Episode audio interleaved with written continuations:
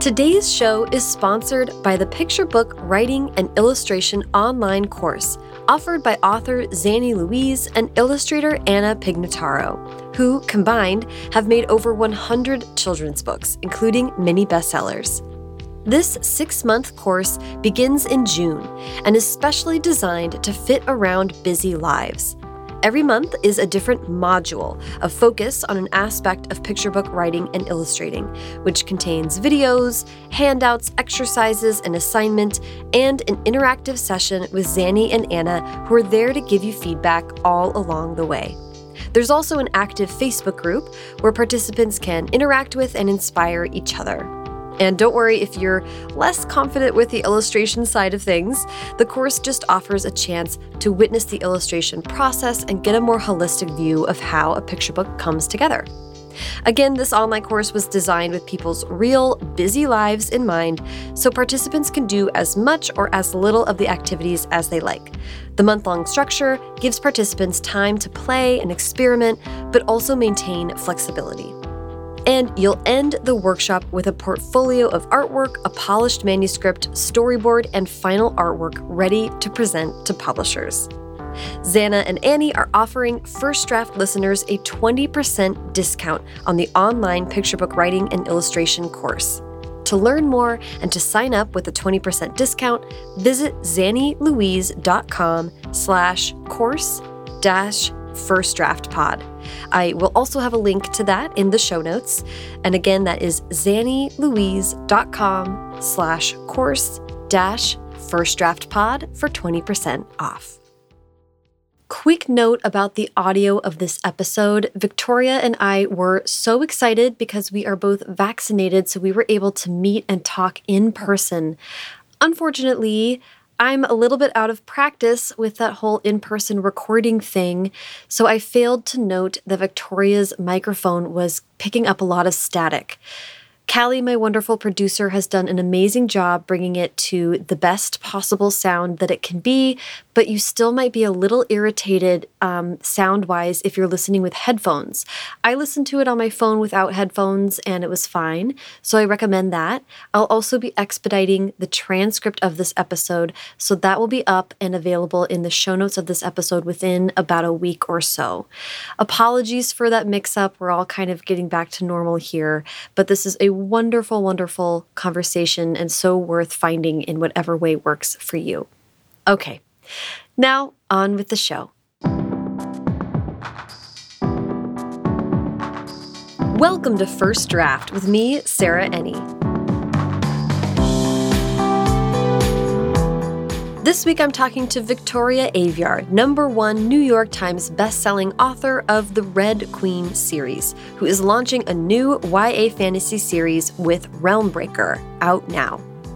She is here to answer listener questions about world building and research and lessons that she learned from the ever expanding Red Queen universe that she's been able to apply to her new series. And she talks about how imagining a bar fight helped her get to the heart of her characters. If you'd like to support First Draft, a quick and easy way to do that is by subscribing to the podcast wherever you're listening right now and by leaving a rating and review on Apple Podcasts.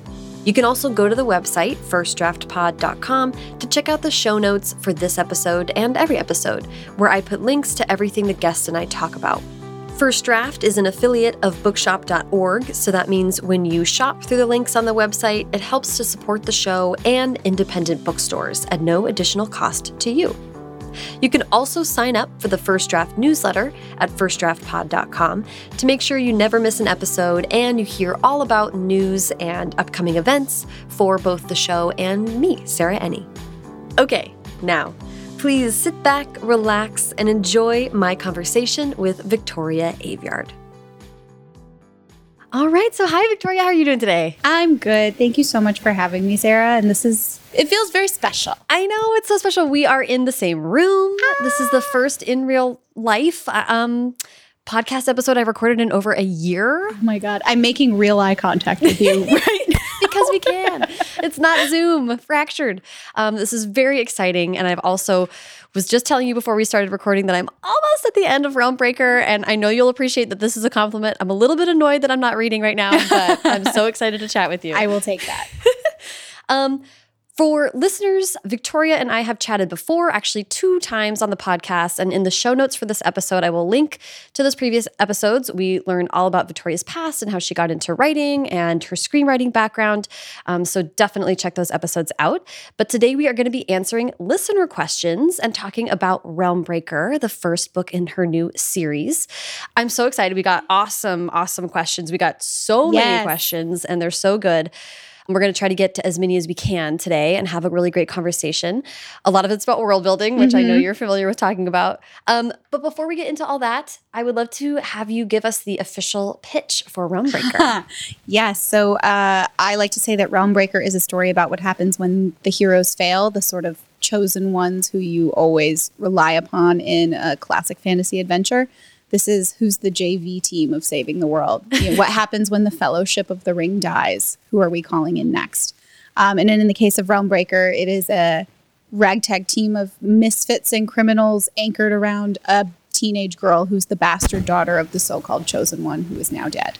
Okay, I'm so excited to talk about Realmbreaker. We have kind of our way into it. We got just a ton of questions about world building, mm -hmm. and I think that is so important for people, or at least fantasy nerds like us, really love to hearing how that stuff comes about.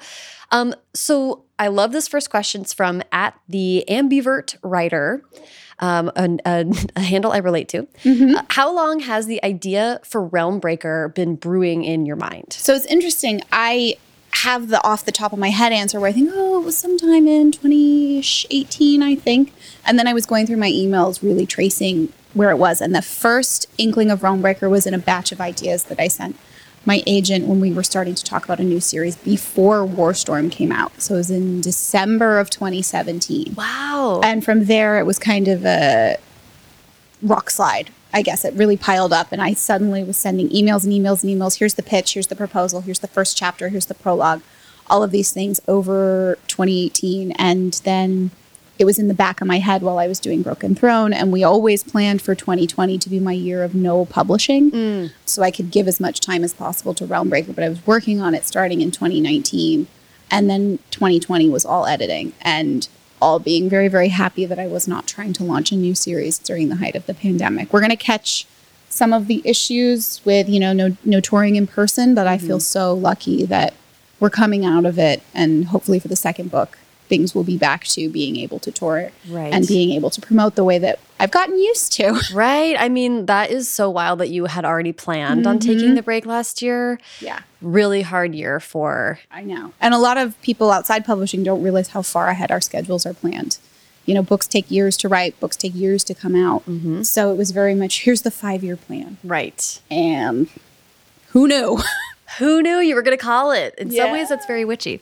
Um, the uh, what what was that like one line thing that mm -hmm. you mm-hmm. sent to your agent like it was definitely what happens when the fellowship of the ring fails it was very much uh, i knew i had a lot of room to move after red queen and i could take a really big swing and my publisher would go with me on it i was in a position where i had a lot more opportunity so I thought, well, what would, what did I want to read when I was 14 years old? What was I looking for? And I remember I was so active in fan fiction back then, and most of it was because I wasn't seeing myself in stories that I wanted to be part of.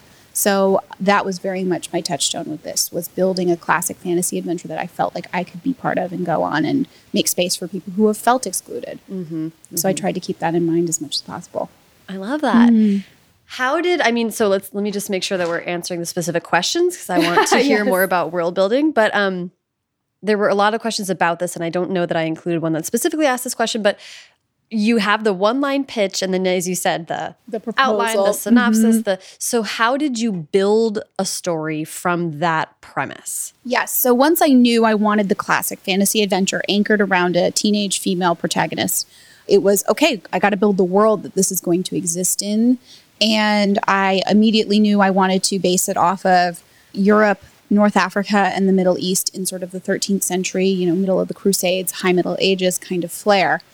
And those were my boundaries because uh, going back to Lord of the Rings or Chronicles of Narnia or even something like the Hunger Games, I was always interested in maps and worlds and the edges of the map in particular. Mm-hmm. I always wanted to know what was going on in the southern countries of Middle Earth or south of Calormen in Narnia. There were these places that we never went to that were not so white centric. Mm-hmm. And I wanted to build a world that felt like it went beyond the casual edges of a map that you usually see in those classic fantasies so that the world feels big and expansive and real and like it exists outside of the story. Mm-hmm. Um, in school, one of our thesis, one of my thesis professors said, "Good world building, especially in fantasy, is when you feel like you can step away from a scene and open a door into the next room."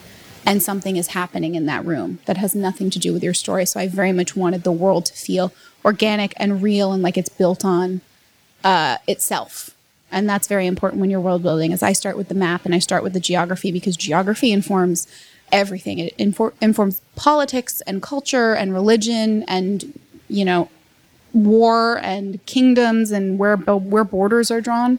So for me, it's very important to start there and build up. It, like it's so that's so clear. It's so great because when Realmbreaker has this incredible map um, mm. in the front of it. So I, as I was reading, I was like referring back and like tracing whatever all the like Indiana Jones mm-hmm. like red line. Um, but it's so obvious that that was a touch like the building blocks of mm -hmm. all of mm-hmm. it because as you say i mean like it, as the story moves along you're, you're, you sort of get that they're mm -hmm. in mm-hmm. these port cities and, and, like it all makes sense about why yeah. the kingdoms came to be that way but since you had this like time period and and actual real world geography in mind how much research did you do into that time period how much mm. did you really delve into what was there at the time and how much did you want it to be totally imagined it's a little bit of both because you want to have your tonal references and have something to build off of, but at the same time, you want the story to not feel restrained by the world you've built. So you have to leave some element of discovery. And mm-hmm. there was mm-hmm. very much a point where I had to bring myself in and say, stop world building and stop creating the histories and stop making family trees because it's not going to be beneficial to the story anymore. And you're kind of going to burn through your motivation for me, it's more about how much you metabolize all that information mm-hmm. so that it feels organic while you're writing it and you're not constantly referring to something else because that I think feels very stilted and a reader can understand that. I play a lot of medieval war games, and one in particular is called Crusader Kings, and it is very, very accurate in terms of the way that that portion of the world operated, specifically the Mediterranean, how there was such a cross cultural um, mix of three different continents and all of these cultures and religions and ethnicities. And that was something I really wanted to bring forward, especially because so much of classic fantasy in Europe feels very white. Mm-hmm. And that's not even true. Mm-hmm. If you're mm-hmm. going to look at actual realistic history, you know, it's not a proper criticism to say there were no black people in London and so it's just wrong. And as you move further south, it becomes even more incorrect. Right. Um, so that was something I wanted to highlight as well. And I think it helps the world feel more real. Yeah, absolutely. Um, I love that. Mm. yeah, it was very it was very fun to have the map to be able to look back to and be like, "Ooh, there, there's where we are," and the and like mm -hmm. being like, "Oh, Victoria got to name all of these cool things I, and cities and regions." What did okay? And this was a really wonderful question from Becky E. Sarah mm -hmm. that mm-hmm. I also wanted really wanted to know. What did you learn from world building in the world of Red Queen that informed your world building in Realmbreaker? Because you had to build a world and then mm -hmm. also mm-hmm. exist within it for four books and many yes. more novellas, but and that world in Red Queen very much expanded as I was writing, and part of that is good, and part of that is oh god, I wish I had established this earlier. So it was a lot of foresight, a lot of knowing well, these are parameters you want to have to start with. You want to think about religion much earlier than you did in Red Queen. In Red Queen, there's not a lot about religion, and it's still not central to this story. I didn't want there to be any kind of religious strife going on in right. these books. But it was definitely something I thought about to include because, again, it makes the world and the characters feel more real when they have these beliefs because that's real to us. Mm-hmm. I also did learn from Red Queen, you know, when to stop and when to keep going and when to move into the actual storytelling piece of the the puzzle, eh, which is much much larger than the world building. Although I could do the world building all day long, so it was a little bit of both. Um, preparing more than you prepared before, but also get ready to get out of it. Mm-hmm. right, right. Know when to mm-hmm. move forward and get into the characters. I love this question from Katerina Katerina Hybinova. Mm-hmm. I hope I'm saying that right. How does she make sense of her research? it's obviously a very researched book as well, Yes. and, and definitely a lot of grounded in that. But I thought that too. I was like, did she have a Word document somewhere Yeah. with all the. So uh, this is one of the reasons I love, love, love Scrivener is you can keep all of your research and your notes and your edits in one window with the actual document. And it's really helpful, especially if you have multiple point of views and multiple chapters, but it's all in the same window. And I can click through from whatever chapter I'm in over to my research and just, you know, refer back to, oh, right, this character is this how many years old, or Right. it takes this long to travel by horse mm-hmm. in a day. That was very much something I always had ready to reference is how fast a ship can move, how fast a horse Right. can move, because there's a lot of travel. And so I was trying to keep in my head what would feel realistic, but still not restrict me in the storytelling. And would I be saying days or weeks? I didn't want to get too into the nitty gritty of it took seven days to get from Right. here to here because I know some asshole down the road is like, that's not possible They're going to do the math. so I just wanted to keep it uh, vague but still uh, usable for a reader. That and you you mentioning days and weeks also reminds me Mm-hmm. that's another choice you have to make about how this world measures everything. Yes. There were some like swear words that will be familiar to Mm-hmm. English speakers too. So I'm just wondering what your thought process was on all this. Yeah, and a lot of it is uh, back to the world building and picking a tonal reference time period is I think for any author who is writing a fantasy world that has sort of a historical bend to it, it's really helpful to pick a year or at the very least pick a century and everything past that will feel out of place. And so I really tried to stick to my 13th century and maybe a little tiny bit into the 14th century, depending on where in the world you were. And I think the flow of information was also interesting because I make it clear that some places are more technologically uh, advanced. And that was also very true to the time period when you had Europe kind of struggling out of the Middle Ages and Right. dealing with all of this crap and learning how to wash themselves properly. The Muslim world was founding universities and hospitals The and aqueducts. Yes, yeah. exactly. Um, so I wanted to make it clear, you know, the flow of information is still very much there and different. And characters highlight, you know, I don't want a doctor from the north. I want a doctor from the south because they're university trained. And I was just like, loved getting in those little digs. I love that. I love that. Like just a plug for Scrivener there with research. yes. Sponsor me, Scrivener. But did you take, were you researching from, I love that you also like, um, in your author's note, you reference like not only Lord of the Rings and these other Mm-hmm. stories that everyone, a lot of people are really familiar with, but also Legend of Zelda. And you're talking about a video game that's such Mm-hmm. A cool, you know, like our generation now can bring those Right. things into the fold. Yes, and I, I used some books as well. I had, you know, Great Battles of the Medieval Ages, and a visual dictionary was really helpful, especially in terms of building a castle or a cathedral. There's a very large scene that takes place in a palace, and I actually drew out the schematic of what that would look like, so I knew where characters were moving, and I could really visualize it because I knew it would get confusing. Mm-hmm. If I was confused, the reader was definitely going to be confused. So definitely a lot of reference books there, a lot of Wikipedia, a lot mm-hmm. of just reading about actual history and Right. kind of taking from that what you wanted to and what felt right. And putting that into a document mm-hmm. in your Scrivener. Yeah. A little bit, and a little bit was just, you know, absorbing it. And mm-hmm. maybe you read things a couple of times. And mm-hmm. I also had some really great sensitivity readers. That's awesome. Mm-hmm. Okay, awesome. And then, you know, when uh, this is a great question from JM JMK Hambada. When you start a new series, how much outlining slash planning do you do for books two and three, et cetera? And along with that question, I'd love to just hear how you outlined Yeah. before you even started the first one. Absolutely. So, just outlining a book in general, and this has not changed from Red Queen. I use three act, eight sequence structure. And that is something I learned in film school. I studied screenwriting, and that's very much how you would structure a feature. And to most audiences, that is the way that Western storytelling works. Mm-hmm. So the audience recognizes the general rhythm and pace, and it helps them absorb the story that much better because they can kind of feel it moving with them. And so that's what I like. That's what I gravitate towards.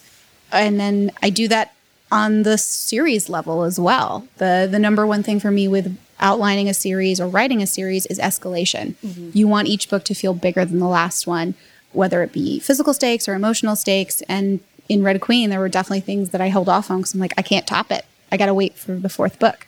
And the same here. I think this one was a little bit more outlined than Red Queen. Red Queen, I always knew kind of where the characters were going to end up. But in this one, I know exactly what's going to happen with each person, and Wow. that's really weird. Uh, the the end of the second book in particular has is, was one of the first things that came into my head. And So- when that when that comes into your head, do you have a sense of where in the story yes, that is? and I knew Okay. that was the end of Act Two for the series, so it's a really low point.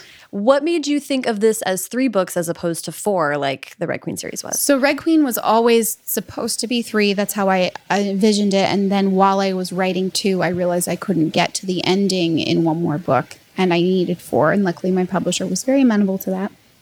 But this one, I think, is three and will stay three. Please God. Um, I love that.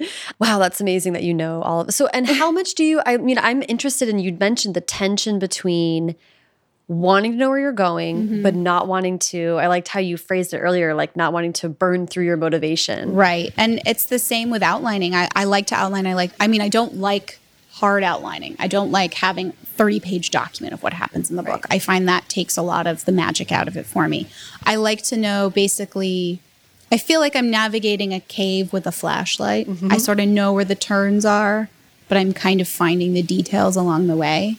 Um, and that's the, yeah, that's the best of both worlds for me. Yeah, I like that. That's you want to have freedom on the page, and that gives you some. And same with the characters. I feel like I've built these little rats and then I put them in the maze I built, but they're going to run it the way they run it. I like that. I like that. Okay, we had a couple questions that I felt like were sort of connected, and it, and it leads to what you're talking about about wanting it to feel. I mean, I like that you're contextualizing for the listener that there's a story structure and it is Western, but it's what you enjoy and what you like working within. Same with writing a high fantasy. There mm-hmm. is an established, there's archetypes, there's ways of presenting that material that most audiences or most high fantasy fans will at least be familiar with. Mm-hmm. And you in particular love those stories too. So I know you wanted to start by like sort of honoring those works and mm-hmm. incorporating that. All that said, um, Derek's great question, Derek's Eye story asks, What's the differentiating factor between this story and other fantasy epics? And Hannah Barclay's question, which I felt like was related When you're writing, do you ever get insecure about whether the story is unique enough? yeah. Oh, yeah. You absolutely, with any story, regardless of what genre you're in, you're always wondering, am I telling this story in a way that has not been told before? And I think while that is a fear all of us have, there's no way that you're not telling it your own way. So I always try and rely on that. You know, me and the author next to me could be given the same exact exact prompt with the same characters and the same plot and we would write the stories differently. We just gravitate to different things. That's who we are. What makes Realmbreaker different? One thing I really pride myself on, and I got a lot of this when I was writing Red Queen, is people who are saying this was the first fantasy book I ever read, and I didn't think I would like fantasy. And now I love fantasy, and this was my gateway book. And I feel very much like that about Realmbreaker. That was something I came in with the intent to make it a familiar, accessible fantasy story that might be the gateway drug, both to other fantasy stories, but I think for adult fantasy into YA fantasy, because YA fantasy can be a little stigmatized and marginalized and is not seen as the same level as adult fantasy. And I don't subscribe to that in any way. So hopefully, this is a fantasy story that fans of the genre who understand the lore and the tropes and the archetypes and know what to expect enjoy because as much as I want to honor what people want from those tropes, I also want to give it to them in a different way, but also to people who don't know and just find things that they like and it's easy for them to sink into. I, I work really, really hard to make this story as metabolizable as possible. Yeah, I love that. It's very, and it's always, that's one of the cool things about YA, right? Is that mm-hmm. sometimes you know that when you write a book, probably for at least one reader out there, this will be the first book of that type or dealing Yeah. with those issues that um, that a reader encounters. I love these questions about Realmbreaker. We had a couple great questions about um, the the book in particular. Emma Jaggers wants to know what are you most excited for readers to experience in this novel?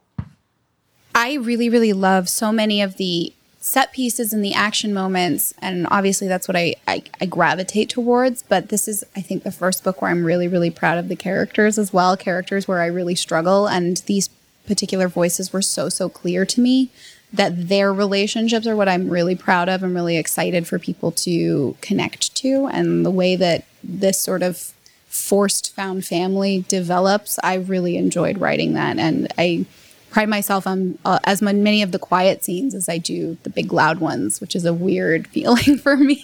Yeah, that's funny to hear you say because I know people have like total undying loyalty to characters in the Red Queen series. yes yes and i was i am really excited because i got to do something in this book that i couldn't do in red queen that i know a lot of people wanted and they wanted the villain romance Oh. and i feel like i am all for villain romances if they make sense with the characters and a lot of the times they don't you know it's either the character is going to betray who they are to make this romance work or it's going to be completely out of character Right. so i set out from the beginning to make sure it would work for certain characters Oh, I'm not going to spoil anything, but I'm like, mm, I love it.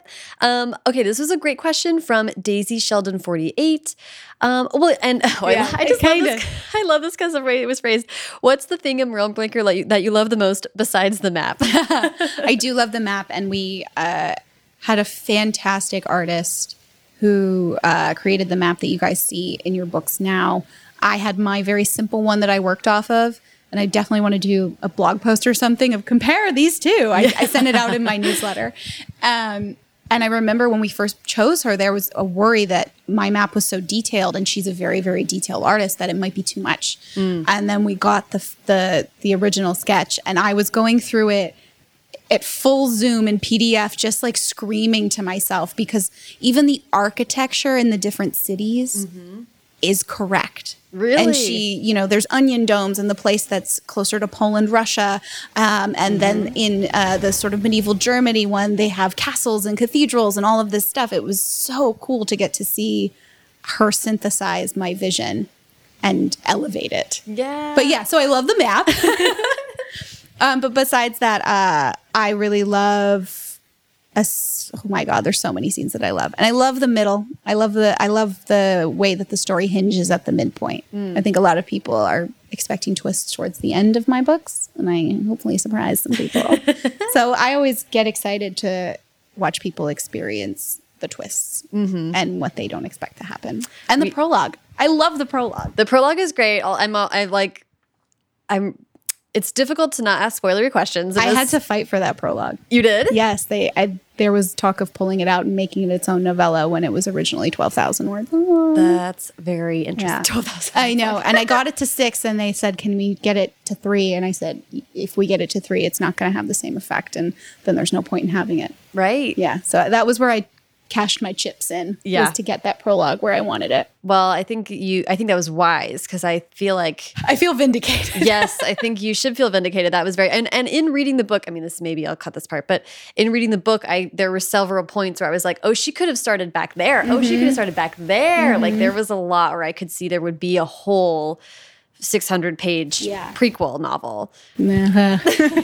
not to like Later. lay that on you um so but i think where you started was perfect especially given what you really Thank wanted to express with the story okay we have a few great questions about writing Mm-hmm. process and i really like this one uh, from hannah barclay again any advice for low confidence while working on a first draft i think that is a very relatable question Absolutely, and that's the thing. That's the thing. Uh, we all go through it, and that's what I have to lean on is knowing that we all get to the point where we think this is garbage and terrible, and no one wants to read this, and you can't see the forest for the trees anymore. And we all have imposter syndrome. We all think, "Why the hell am I here? How is someone letting me do this? No one really enjoys these books. I'm a failure." So I just have to lean on, you know, that's normal, which sucks, Yeah. but it's what we all go through and we all have to deal with and continuously deal with. yeah There's never, at least for me, I've never gotten to a place where I feel like safe in my career. And I think there are very, very few authors, if any, who get to a place where they feel safe. And that's a real double edged sword yeah because it, it drives you, but you also always kind of feel a little off balance. Right. It's a it's a tricky balance to make. Mm-hmm. And you know, and I'm and I'm picturing you. I think um, fans of yours will know. you kind of get a glimpse into your office on TikTok or Yeah. Instagram sometimes. And I'm picturing you kind of being in the office, like banging your head against the wall. Like Yeah. when you have days where the confidence is low. Yes. Is there anything that you do that bulks you back up, or people you could call, or things that Um, you? I don't really talk to people about my stories until the draft is done. I find that slows me down. Mm. I will send chapters to my dad who reads them, but That's he's so not giving me notes. He's just saying like, "Yeah, great. I'm interested. Where's the next one?" Love and it. that is enough for me. Love it. I don't need, I mean, getting notes at that point is too much for me. I have to just get through a draft. And that's always my best writing advice is get through the damn draft. Yes. You know, good is, is better than a perfect first chapter. Yeah. Uh, CamMCP2000.cm wants to know how long did each of the drafts take? I'm interested in yeah, what what was that? What was true for Red Queen and what was true for It was quite similar, honestly. I take between six and seven months on the first draft, Mm-hmm. usually. Um, it might have to be a little faster on Realmbreaker too, uh, because you know a lot of other stuff has come up and has shortened my time. Um, but yeah, if I have pure writing time, six to seven months. Okay. It can get squeezed or elongated depending. And then edits usually are another six months. But again, once you're on that publishing schedule, you're very much running ahead of a train trying to lay track while it's coming up behind you. right, right. Was that true when you wrote the first draft of Red Queen? When Yeah, so the first draft of Red Queen, I really started in earnest in July of 2012 after my, I graduated college, and I finished the first draft in January 2013. okay, Yeah, so, it was a hard six months. right, all I was doing during that was writing and living at home. right. At a coffee table, hunched over, and that's probably why I have back problems. Oh yeah, not great, not great. Um, I love that that what the um length of time though, even without because that was not on contract, that was on spec, right? That was on spec. That had no promises whatsoever. that was scary. That was definitely the scariest time and the hardest time writing. And every time I run up against difficulty or disbelief or something, I lean back on, you know, this is your job and you're on contract and you're on deadline and you have all of these things that feel like boundaries but are actually holding you up at the same time. Yeah, that's a great perspective to have on it. Yeah. um, I love this. The ambivert writer wants to know what distracts you most from writing. oh my god tiktok but now tiktok has also become a great tool for us writers and BookTok the BookTok community is amazing um, and i love it like genuinely love it and i think people who love it will use it to their advantage but if you're just doing it to try and advertise to people it's very disingenuous and it comes through in the videos and whatever i could scroll tiktok forever I definitely hit those points where the TikTok app itself says stop scrolling and go to sleep. Does it really? And that's really offensive to me. you don't know my life, TikTok. um, but yeah, TikTok is distracting. For the most part, I just really try and keep my office hours and do Monday to Friday and give myself my weekends. I feel like if I write all the way through, I'm going to burn out. Yeah, And that is worse than distraction. yeah, yeah. You're really good about that. You're nine to five, which I admire. Trying to come up with a good schedule for myself. And you you've spoken to this a little bit, but what's the biggest difference between writing Red Queen versus Realmbreaker? Um, I'm definitely more nervous. I, I have a lot more anxiety with this book, and I think it's probably just because I understand how many bullets I dodged coming up and how many more bullets there are to dodge. So you just know more of the dangers um, and difficulties, and you're aware of them, which I mean, you'd want to be aware of them, but in the past, it was really ignorance is bliss. Mm-hmm. And I also feel such a responsibility to my readers that I have, and such a privilege to have had such a great support system, um, and just hoping for them to follow me to the next sandbox, so to speak.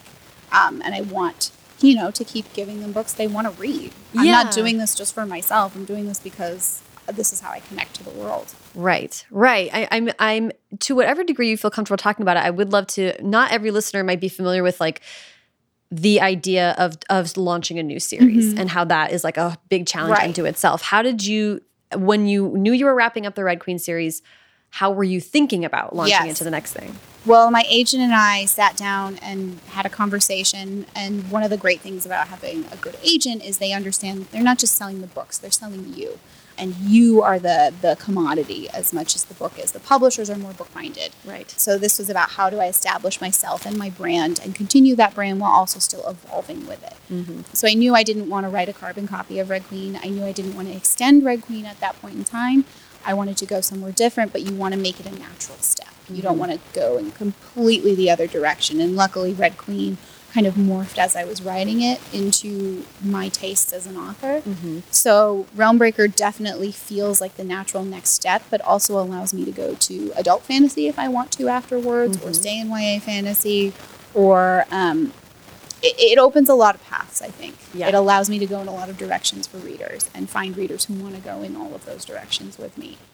Yeah, because I don't know that I'm I'm actually interested if you encountered anyone who was a little side-eye about high fantasy. Yes. Which is wild to me. I'm, obviously you're talking to another high fantasy lover, so that seems nuts to me, but Yes, yes, and high fantasy is a hard sell, and second series are a hard sell. Very, very, very few authors will match or exceed what their previous series has done, especially if it's a series that's done as well as Red Queen. Very aware of that. I'm very braced for like the letdown, essentially. I hope it doesn't happen, but we'll see. um, but it is, con- we call it in the industry, you know, leveling up. If you're able to repeat with two series uh, of something big, then that feels like okay, you've hit another tier in your Right. career, and uh, publishers are aware of that. Right. And uh, it's very much a business on their side of things too. They're Right. they're gun shy about a lot of things, and high fantasy is one of them, and series are another one. So I had two strikes. Yeah, and I appreciate you speaking to that because that's a little bit behind the scenes type of stuff, but it is not I think people on the outside might think that once you have a successful series you can write your own checks for the rest of your life and that's not true. no, especially not in YA, and especially not for women. Yeah, yeah. Yeah. Um, whole other podcast. If you're not a straight white guy, yeah, right. you're you're you're gonna have to prove yourself a lot more, and Yeah. there's varying degrees of that. Yes. Um, well, I'm glad that you did this. Obviously, high fantasy. I was like, hooray! Well, okay. Just the last thing about um, about writing a series and the way that you talked about structuring it. The question from JD Lawson is: If you're writing a duology or trilogy, how do you cr- create a fulfilling story arc for book one? You talked about how you conceive of it all, but how do you kind of like check that and say, Yes. yes, this first arc does make sense? It, um, again, you're thinking about escalation, but you're also thinking about each story that has to be contained in itself. And yes, you can end on cliffhangers, and I usually do because that's my little cheap tactic to get you to get to the next book. um, but it very much has to feel like there was an arc here, Right. and there was a change in the character from page one to page 500 or whatever it is, and that there was movement forward. And you know there's more to come, but this was itself a satisfying journey for you. Um, I definitely used uh, the original Star Wars trilogy and Lord of the Rings as inspiration for that contained story within a bigger story. Right. How did you think about were you because there are as you said like kind of a ragtag crew that accumulates over the course of the story were you really focused on a satisfying emotional character arc for like one or two or three or how did you think about that? They all have play- things that they want that they either give up or learn are not something they actually want. Mm. And that was very helpful for me to key into that. And it's simple too, just knowing what does this person want. There's a character, he wants to be a knight. Mm-hmm. And he has to betray the kingdom he wants to be a knight for to save the world. Mm-hmm. And that's very simple and very easy. One thing I did do as a sort of an exercise for myself to make them very clear to me was I wrote down just one line of what each character would be doing in the middle of a bar fight. Oh, And, you know, there's one person who started it as a distraction for something else. And there's one person who's upstairs sleeping. And there's one person who's using it to steal drinks from everybody else. And that was very, very eye opening to me of like, got to the heart of each person, but also the fun heart of each person. And then I did get to write that bar fight in the book. And it, it felt fun to me and it, it worked. And I, I highly encourage people to do little exercises like that with characters and just kind of Yeah. Find that core piece of them that whenever you're confused, you can come back to. Yeah, I love that.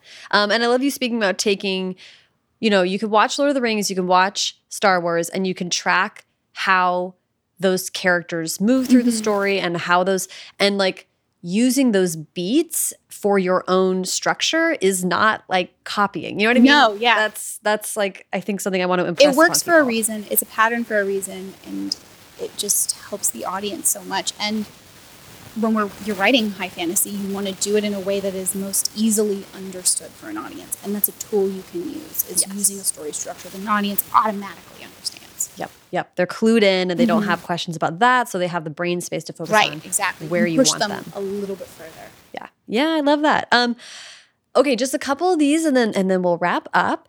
Someone really knows you and wants to know at uh, Medina J Lynn wants to know true or false Sam is the true hero of Lord of the Rings.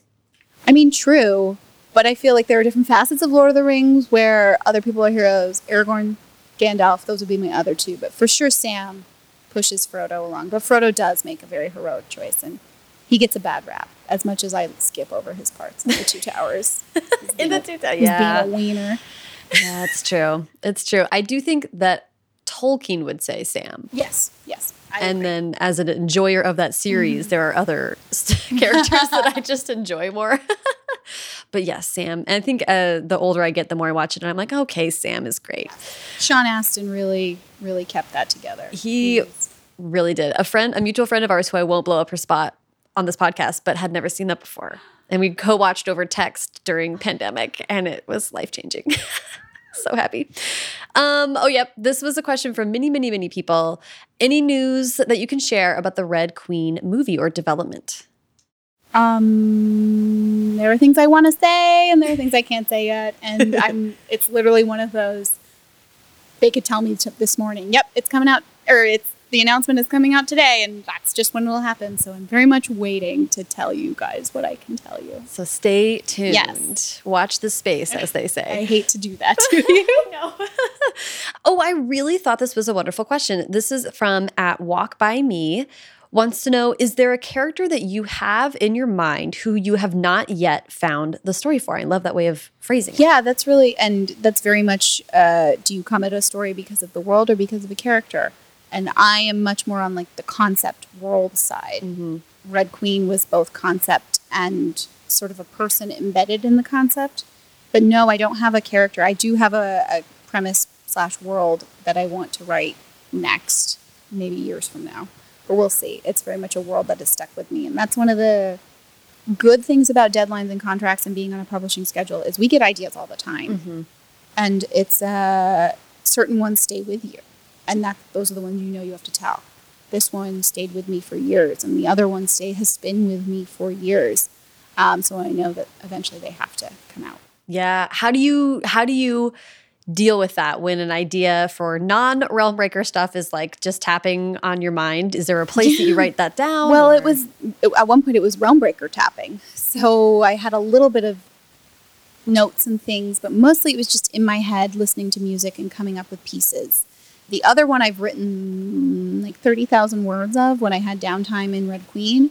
Um, I don't know if any of that will be part of the final. It's going to be really long. It's probably adult.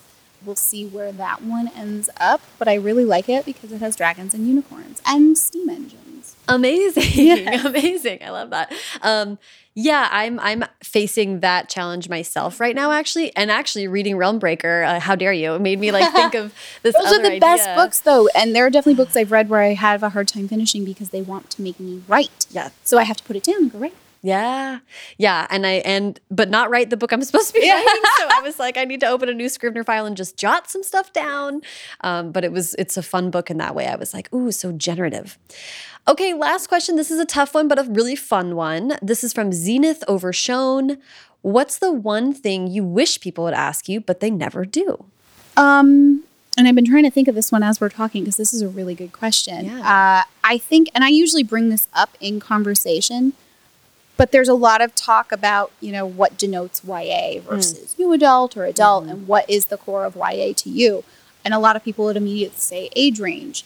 Um, and that's true, but for me, it really has to do with is there sort of a coming of age moment? Is there someone figuring out who they are or seeing who they've become and choosing not to be that person or not liking it and trying to change their fate? Um, so for Realmbreaker, there are POV characters who are very much adults. One of them's 500 years old. Right. Um, but they all have that journey of just self-discovery and figuring out who they are in the world and where they fit and where they want to fit. Um, and I think that is the core of all young adult fiction. It more so than age, more so than um, any other piece of it. Also, I think YA. A lot of people could just call it a marketing Oh. sort of sphere, which is kind of true. But I still see it as a genre that encompasses all other genres. I love that in YA you can go anywhere, and Yeah. you can combine things, and you can sort of build your sandbox, so to speak. Yeah, YA thinking of it as the category, and then mm-hmm. within that, every genre Yes. is present, and many genres are colliding. Yes, yes. And And pace too. Pace is very, very key to YA. You know, a book can be 200,000 words long, but if it moves, it moves, and it's not going to feel that long, and it fits in YA that way. Um, I think that's why there's a lot of people who have a background in film schools who gravitate towards YA because screenplays and movies are written with such immediacy, Mm-hmm. and it translates really, really well. Yeah, and you know, it's it does make me think. Like, I think high fantasy, and I've thought about this a lot with Sabaa Tahir's books as well. And Ember in the Ashes, that series is every bit as good as every other high fantasy series I've ever read. And it was like, what is it that makes? I think the line between YA and adult with high fantasy. And to some degree, science fiction is just sort of even less clear yes. because if you love one, you'll love all of it. Right, but then if they get the YA sticker, a lot of adult fantasy readers won't- they're they, too- Hmm. yeah, they won't come around until they're told they should come around, Hmm. and that's tough.